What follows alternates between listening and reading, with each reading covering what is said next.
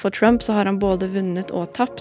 What did I think when Maduro took power? Well, he's a clown. Det koster mye å gjøre store endringer. You know, I think if we can't do it in Norway, we can't do it anywhere. Nei, De har jo ikke noen fremtid. De sitter jo bom fast. Du lytter til Radio Novas samfunns- og aktualitetsmagasin Opplysningen.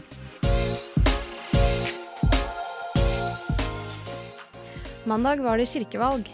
Men hva er det, og bør man stemme? Hundesykdommen, er den så smittsom som vi tror? Ebolaviruset sprer seg fortsatt. Hva gjør vi for å hjelpe? Og kan klimaskam være grunnen til Miljøpartiet De Grønne sin økning?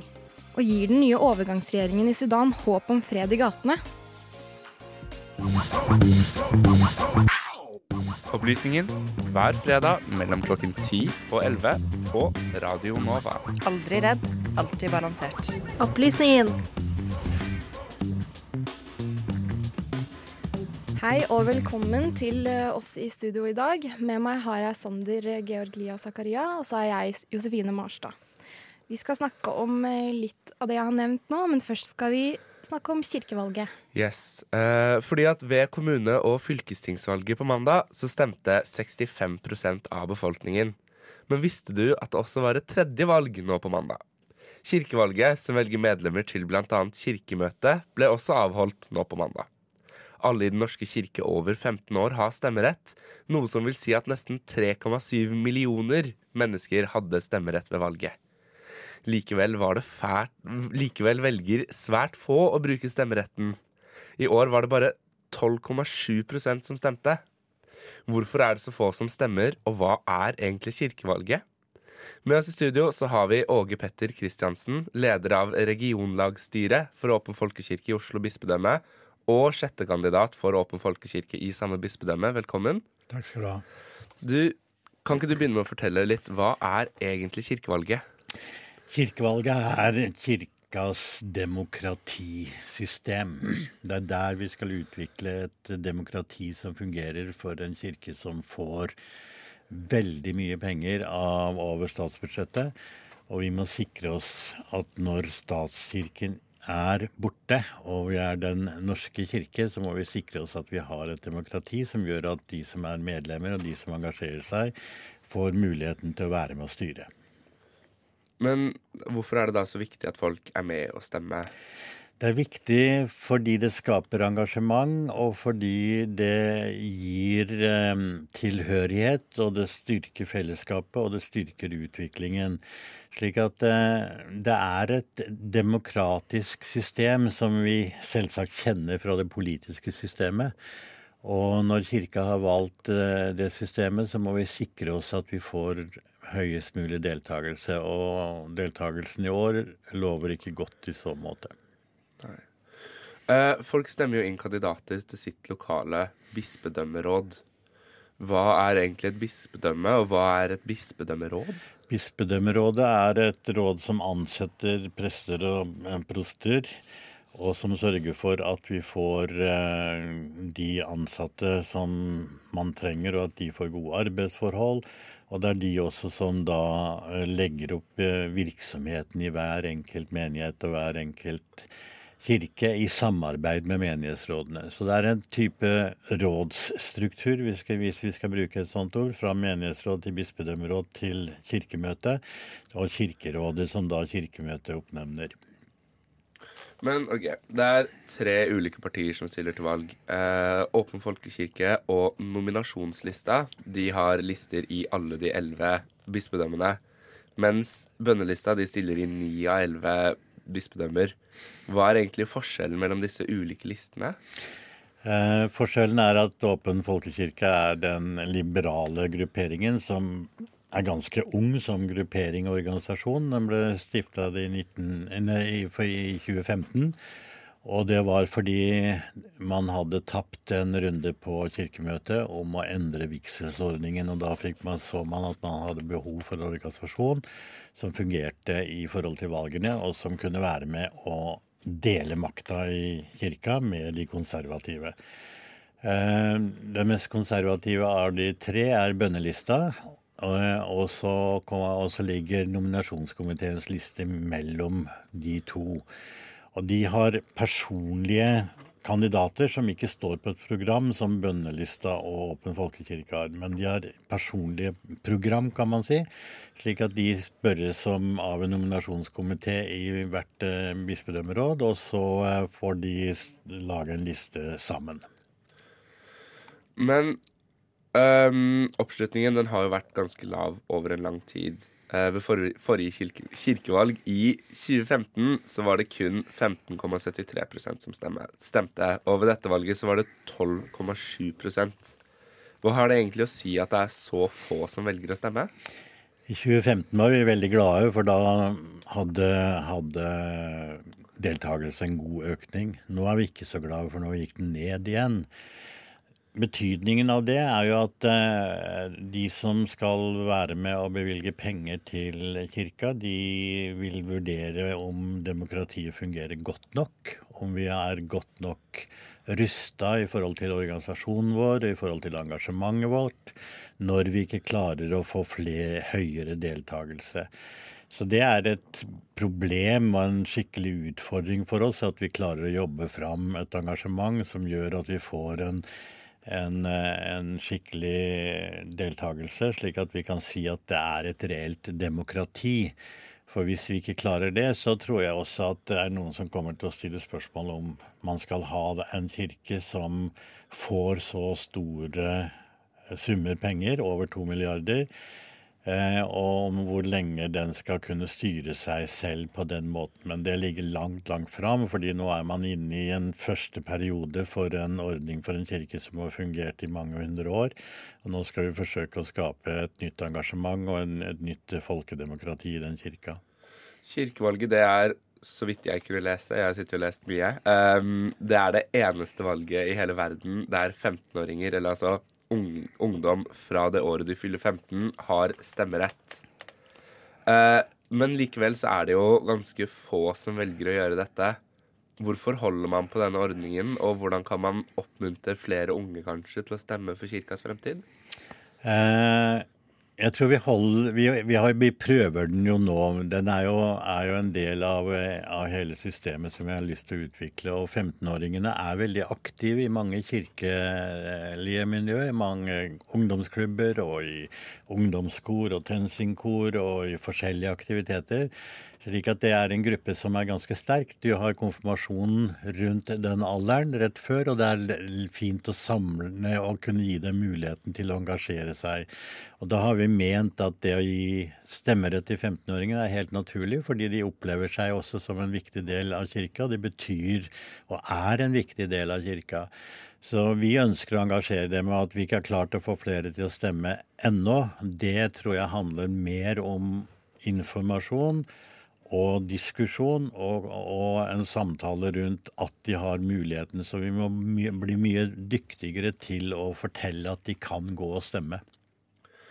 Ved forrige kirkevalg i 2015 så sto debatten om homofiles rett til å gifte seg i kirka i fokus. Da var det 16,7% som stemte, mens i år så har det ikke vært en stor debatt som har stått veldig i fokus offentlig media, og dermed har da, eller kan vel ikke akkurat si at det er årsaksvirkning, men stemmeprosenten har i hvert fall gått ned eh, fire prosentpoeng.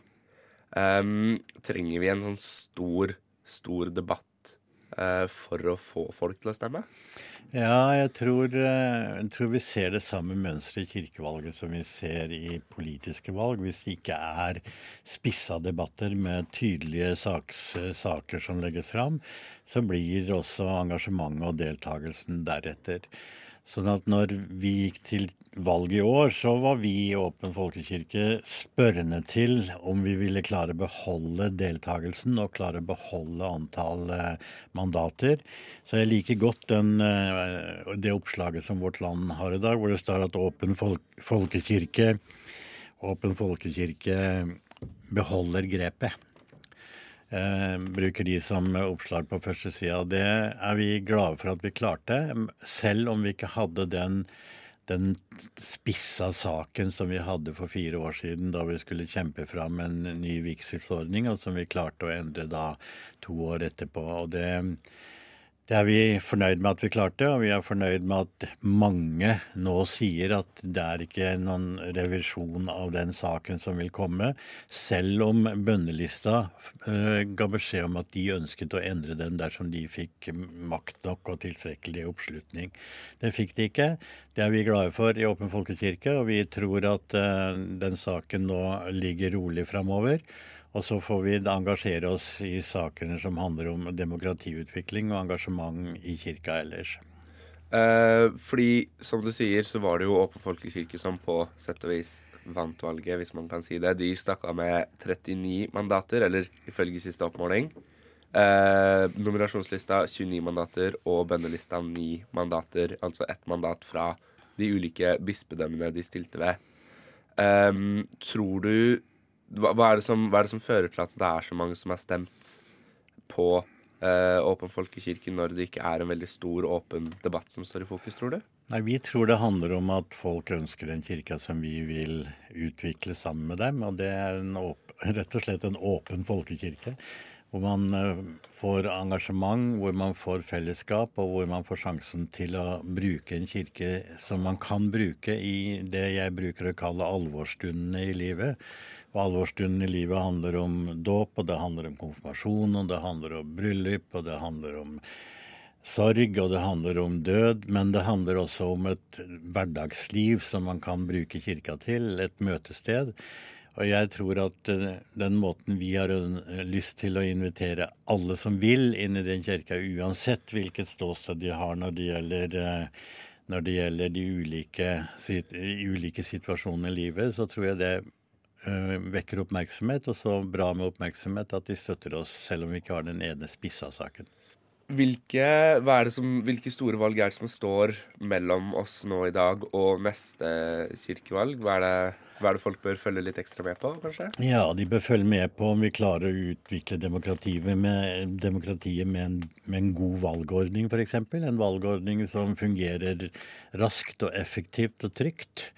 I dag har vi en valgordning som er litt treg når man skal telle opp, og som det tar tid å få vite resultatet på. og Det er uheldig for å utvikle et godt demokrati. Og så bør man følge med på hvordan engasjementet skjer i kirka, hvilke saker som kommer opp, og om, den er eh, åpen og innbydende i sin, i sin form. Tusen, tusen hjertelig takk, Åge Petter Kristiansen, leder av regionlagsstyret i Åpen folkekirke i Oslo bispedømme. Du hører på Opplysningen. Aldri redd, alltid balansert. Opplysningen hver fredag mellom klokken 10 og 11 på Radio Nova.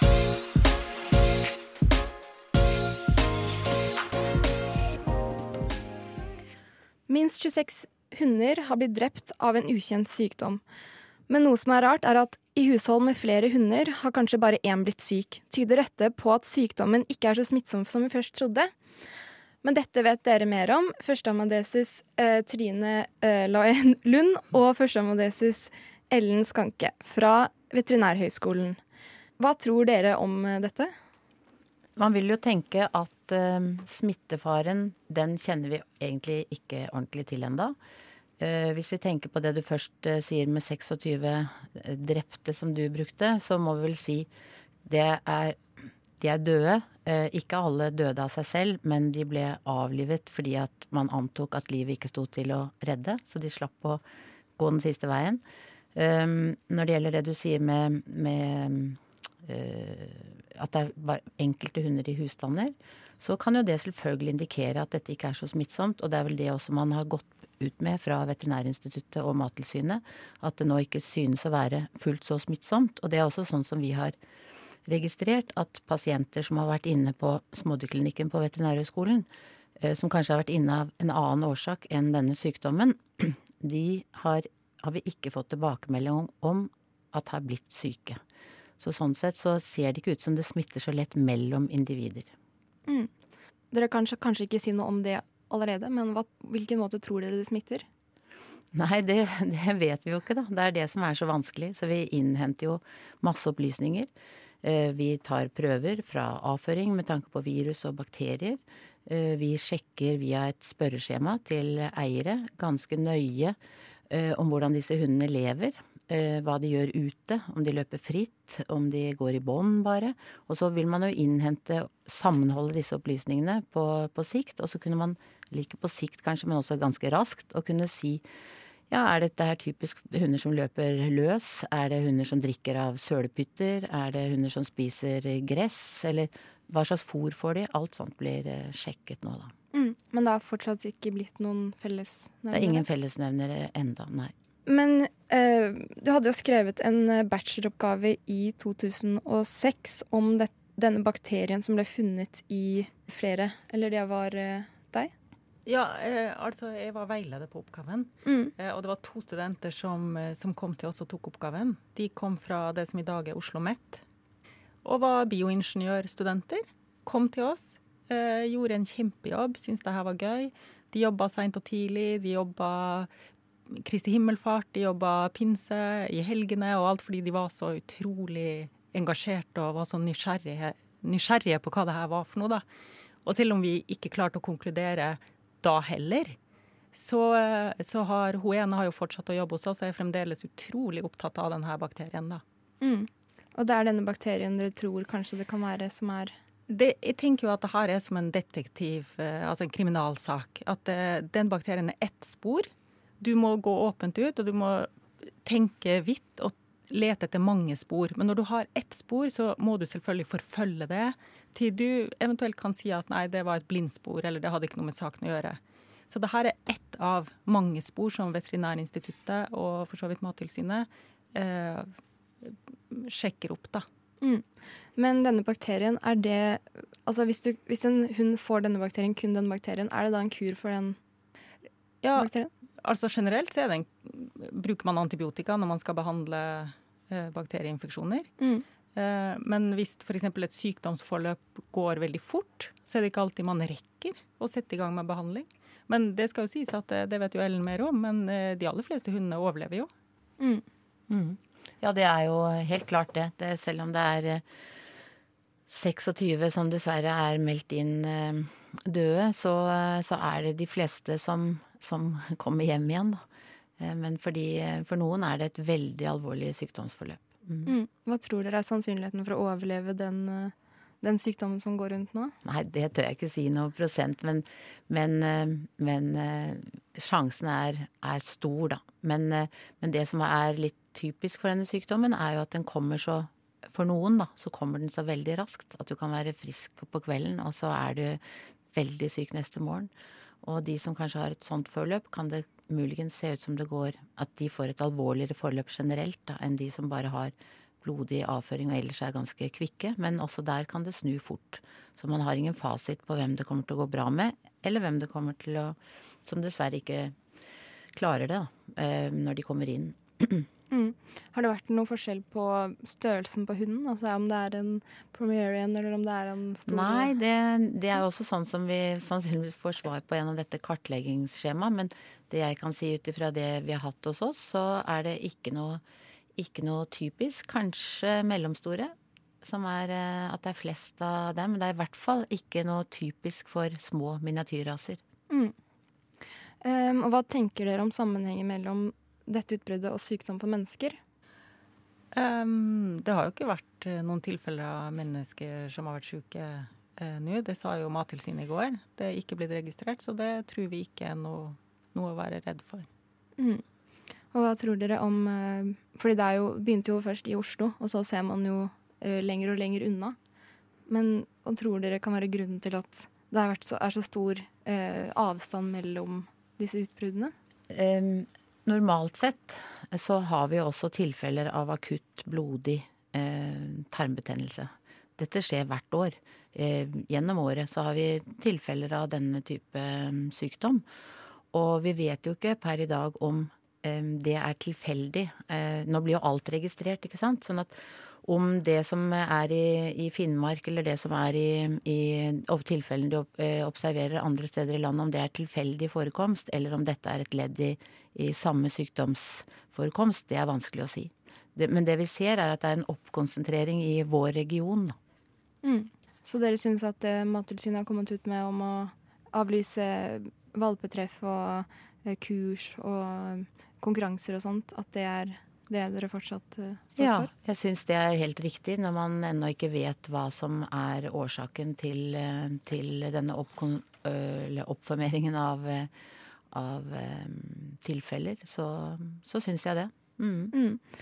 Hva med de som Det er jo også noen nå som ikke har avlyst ting, som f.eks. jakt, da, som fortsetter å Ja, men det har Mattilsynet Mattilsynet har sagt at man skal prøve å unngå direkte kontakt mellom hunder. Mm. Og direkte kontakt mellom hunder kan man jo unngå på jakt. Hvis man holder hunden i bånd. Hvis man er mange på jakt, så kan jo de som ikke slipper hunden akkurat der og da, holde hunden i bånd. Og det gjøres sannsynligvis også ofte. Og det er veldig lite sannsynlighet for nærkontakt mellom hunder under en jakt. Mm. Er det noe mer dere har lyst til å Som syns er viktig at vi informerer folket om, om denne sykdommen? Jeg tenker at uh, mange er jo så redde, da.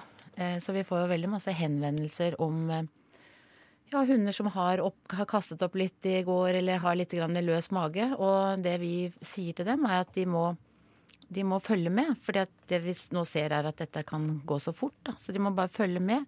Men de må ikke bli kjemperedde, og de må ikke være kjemperedde for å lufte hunden sin. Kanskje bare unngå Unngå kontakt med andre hunder og følge Mattilsynets eh, retningslinjer. Ikke drikke av eh, sånne stillestående pytter og dammer i skogen. Men lufte hunden som, eh, som før, men kanskje unngå nærkontakt med andre enn så lenge, da. Mm. Og det er jo litt utfordrende med eksempel da jeg bor i blokk og jeg har en hund, og det er jo egentlig samme tissestedet som blir brukt når det bare er for jeg har fortsatt en valp. Hun går ut veldig ofte. Men hun tar jo nesa si rett ned i gresset og snuser oppå der hvor de andre hundene har tissa. Um, er det en smittesituasjon som man også burde unngå? Liksom la hunden snuse ned på bakken, f.eks.? Altså, det er jo Du kan jo ikke Det er jo umulig. Ja. Det er jo umulig. Uh, hvis alle 500 000 hunder i Norge ikke skulle kunne gå ut og snuse litt. Grann, altså, jeg tror det viktigste Eh, uten at vi har noe belegg for det, da. Men eh, at man kanskje ikke får ting inn i, inn i munnen mer enn, enn, å snuse. Men det er, dette er en, en ikke kvalifisert uh, uttalelse, får man jo si, da. Mm. Men, men ja, jeg, ville, jeg lar ikke min hund eh, spise på noe ute akkurat nå. Og han elsker pytter. Det Han får ikke lov å drikke av vannpytter. Det er liksom mine forholdsregler. Men ellers lufter jeg ham som normalt. Han er hannhund, han snuser overalt. Jeg kan jo ikke Nei. Det er ingen Nei. Mm. Jeg vet ikke du, om du, Trine? Ja, nei, jeg er helt enig i det. Mm. Ja, eh, tusen takk for at dere kom. Trine eh, Lae Lund og Ellen Sjanke fra Veterinærhøgskolen. Eh, ja, tusen takk. Selv tusen takk.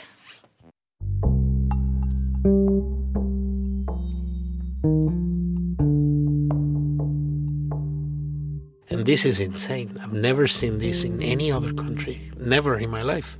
People eating from the trash, fighting about it. Eh, når så mange er ensomme, så ligger jo på en måte ikke dette på, på individet lenger. Det ligger på systemet. Vi er i ferd med å ødelegge evnen vår eh, permanent kognitivt i hjernen til å konsentrere oss over lengre tid. Radio Novas samfunns- og aktualitetsmagasin gir deg historiene, sakene og debattene andre overser. Aldri redd, alltid balansert. Opplysningen 99,3. Dårlig forvaltning av oljeinntekter Utbredt fattigdom og uroligheter har preget Sudan de siste årene. I flere tiår preget en blodig borgerkrig landet. Et land der nesten 15% av befolkningen i dag lever i ekstrem fattigdom. Nå lover den nye statsministeren Abdallah Hamduk fred og fremtidig økonomisk vekst for Sudan.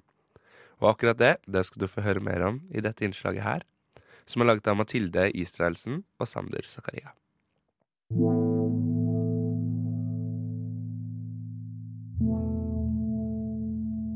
Forrige fredag ble Sudan ønska velkommen tilbake inn i Den afrikanske union etter en tre måneders lang suspensjon.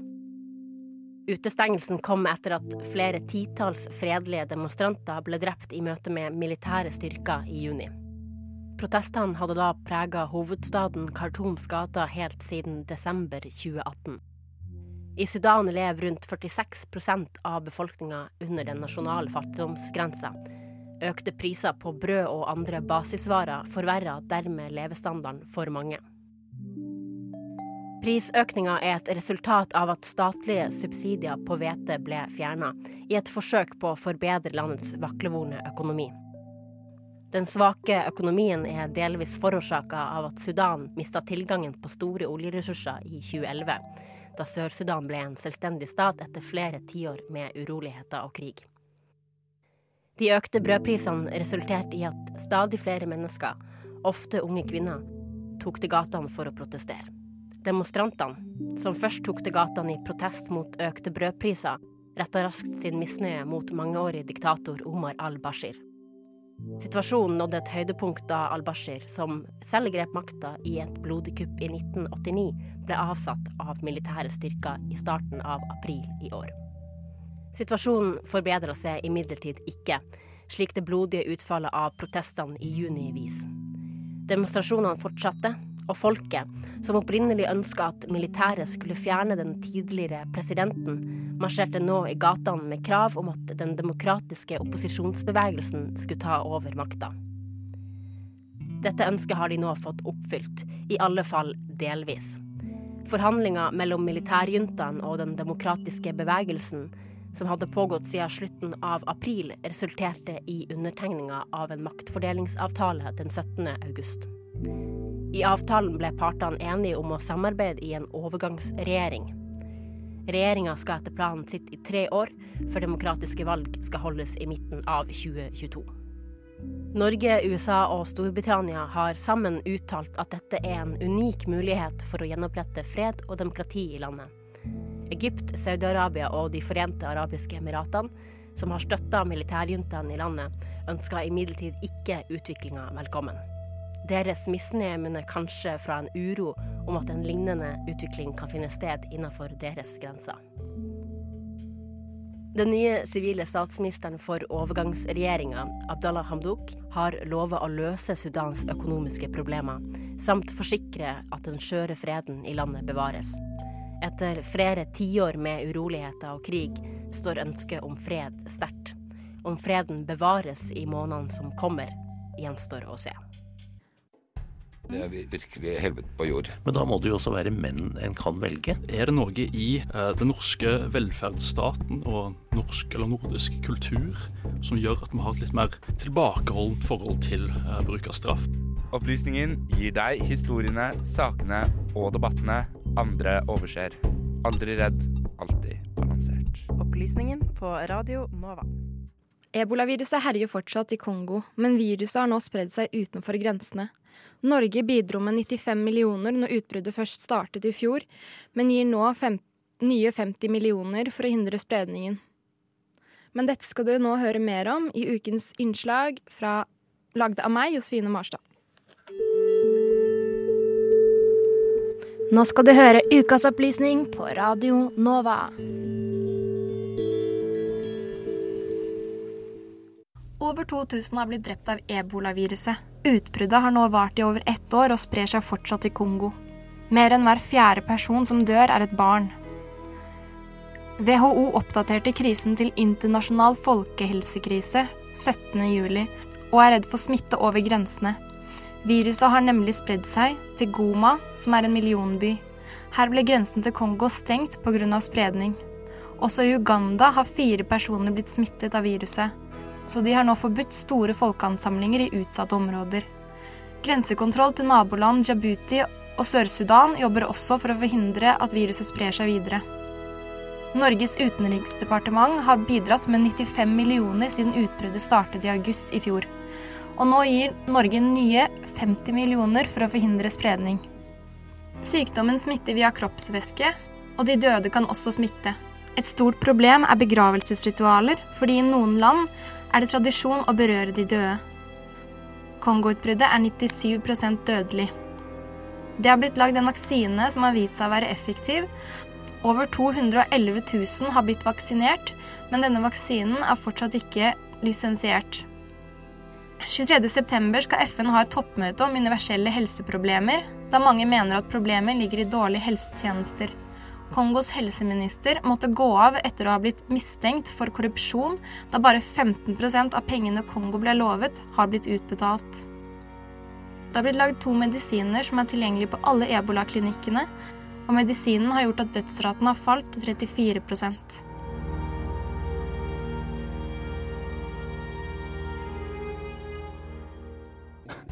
Det er virkelig helvete på jord. Men da må det jo også være menn en kan velge. Er det noe i eh, den norske velferdsstaten og norsk eller nordisk kultur som gjør at vi har et litt mer tilbakeholdent forhold til eh, bruk av straff? Opplysningen gir deg historiene, sakene og debattene andre overser. Aldri redd, alltid balansert. Opplysningen på Radio Nova. Miljøpartiet De Grønne har hatt en stor vekst, men hva er grunnen til dette? Er det klimaskam som gjør at man innerst inne vet at det trengs kraftige og upopulære tiltak for å gjøre endringer på sikt? Dette vet du om, Per Espen Ståknes. Hallo. Hallo, hallo. Hyggelig å være med dere. Ja, eh, Vi har med oss eh, deg på Skype i dag. Eh, kan du fortelle litt om deg selv først? Hva jobber du med? Ja, jeg jobber med grønn økonomi. Eh, Både på Handelshøyskolen BI, eh, internasjonalt og som forfatter. Og så er jeg vararepresentant for eh, Oslo MDG på Stortinget. Mm. Og tror du at det er en sammenheng mellom klimaskam og eh, Miljøpartiet De Grønne sin økning nå? I grunnen ikke. Jeg tror det er litt bredere enn som så. Eh, Klima- og miljøbekymringer viser forskninga har kommet i bølger opp gjennom de siste tiårene.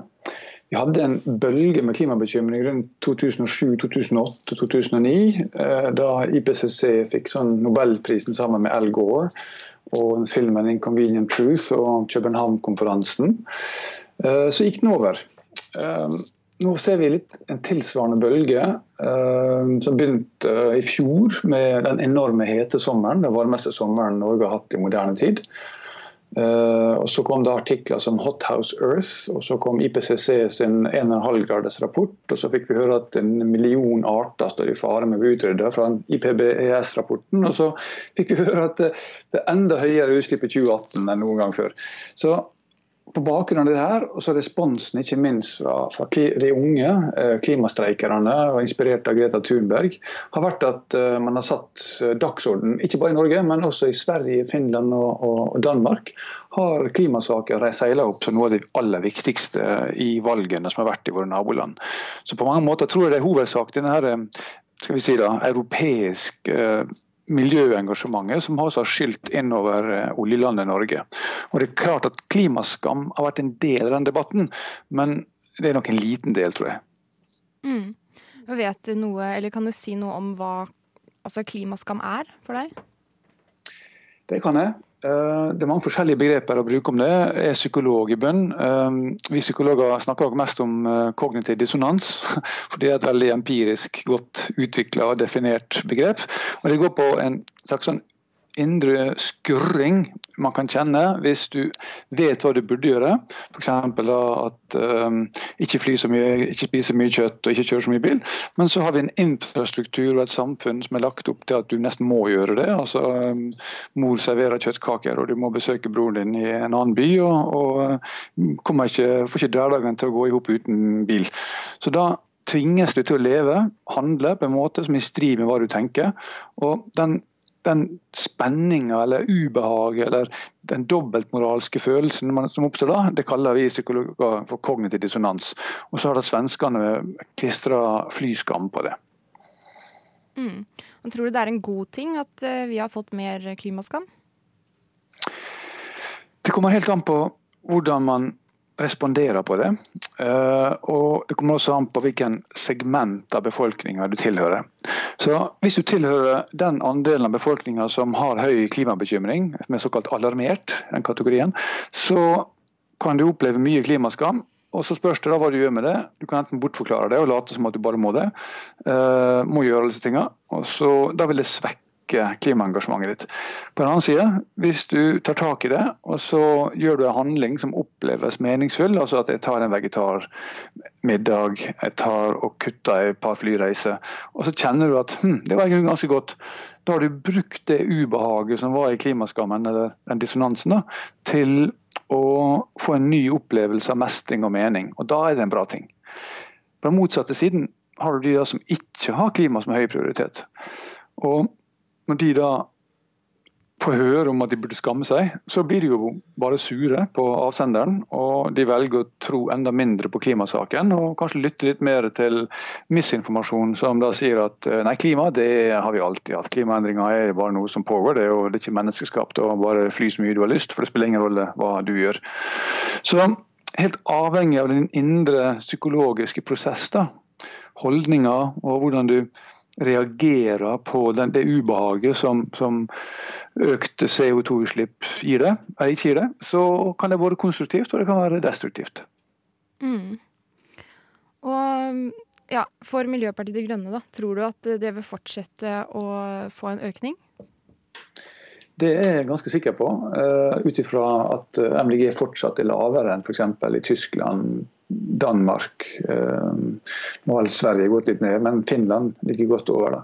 Så at den, eh, denne miljø- og klimabølga er eh, en strukturelt skifte, det er jeg rimelig sikker på. Altså, jeg er jo framtidstenker og jobber mye med scenarioer. Jeg kan godt se for meg et scenario hvor denne bølga også går over. og Vi er tilbake igjen på et bunnivå i 2022, sånn som vi var i 2010. Men um, antagelig har vi tatt et skritt opp trappa. Uh, Istedenfor at det bare er bølger som så sender oss ned igjen på, på sluttpunktet. Og I forhold til MDG så er det vel slik at MDG har det sterkeste eierskapet til klimasaken. Uh, at folk assosierer klimapolitikk med MDG. Så hvis klima- og miljøengasjement blir større, så er det naturlig at det vil medføre en fortsatt økt eh, MDG-støtte. Mm. Ja, hva slags forandringer vil det bli nå? Nå som dere har fått, eller Miljøpartiet De Grønne har fått mer stemmer, og hva er det som vil forandres? Ja, nå blir det en herlig by. Nei da.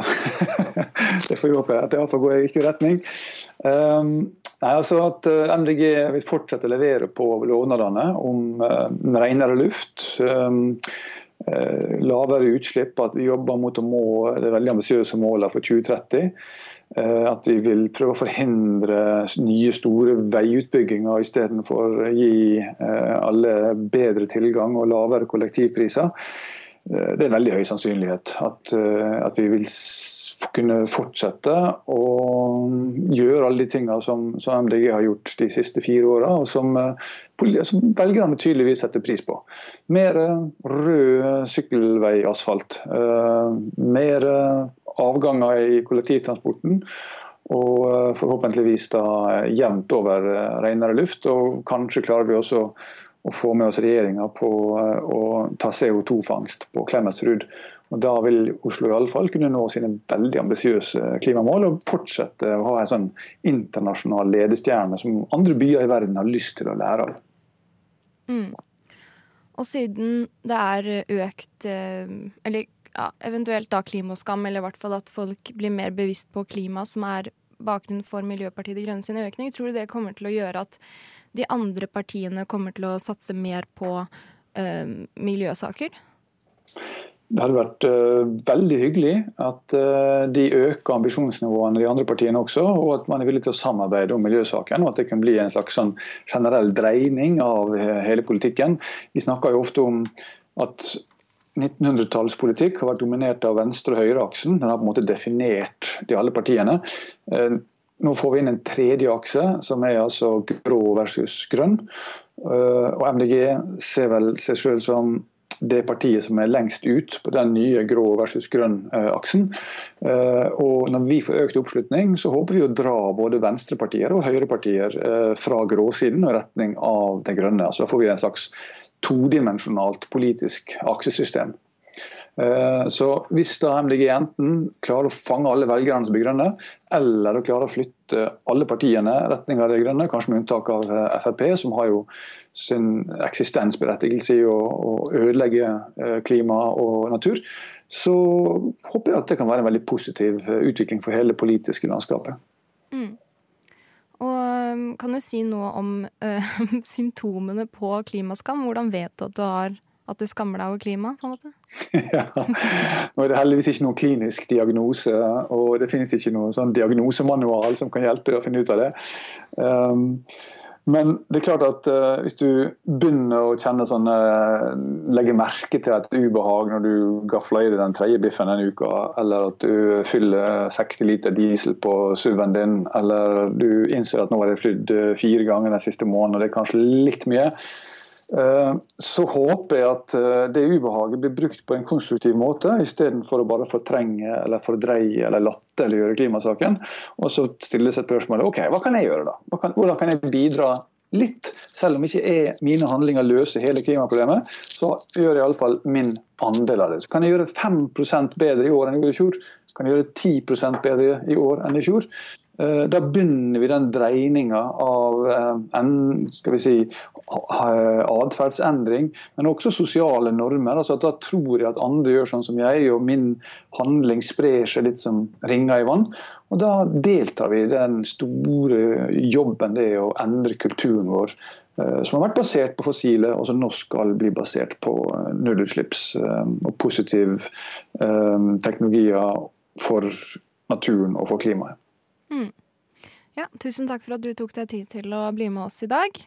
Bare hyggelig. Mhm. Det er virkelig helvete på jord. Men da må det jo også være menn en kan velge. Er det noe i eh, den norske velferdsstaten og norsk eller nordisk kultur som gjør at vi har et litt mer tilbakeholdent forhold til eh, bruk av straff? Opplysningen gir deg historiene, sakene og debattene andre overser.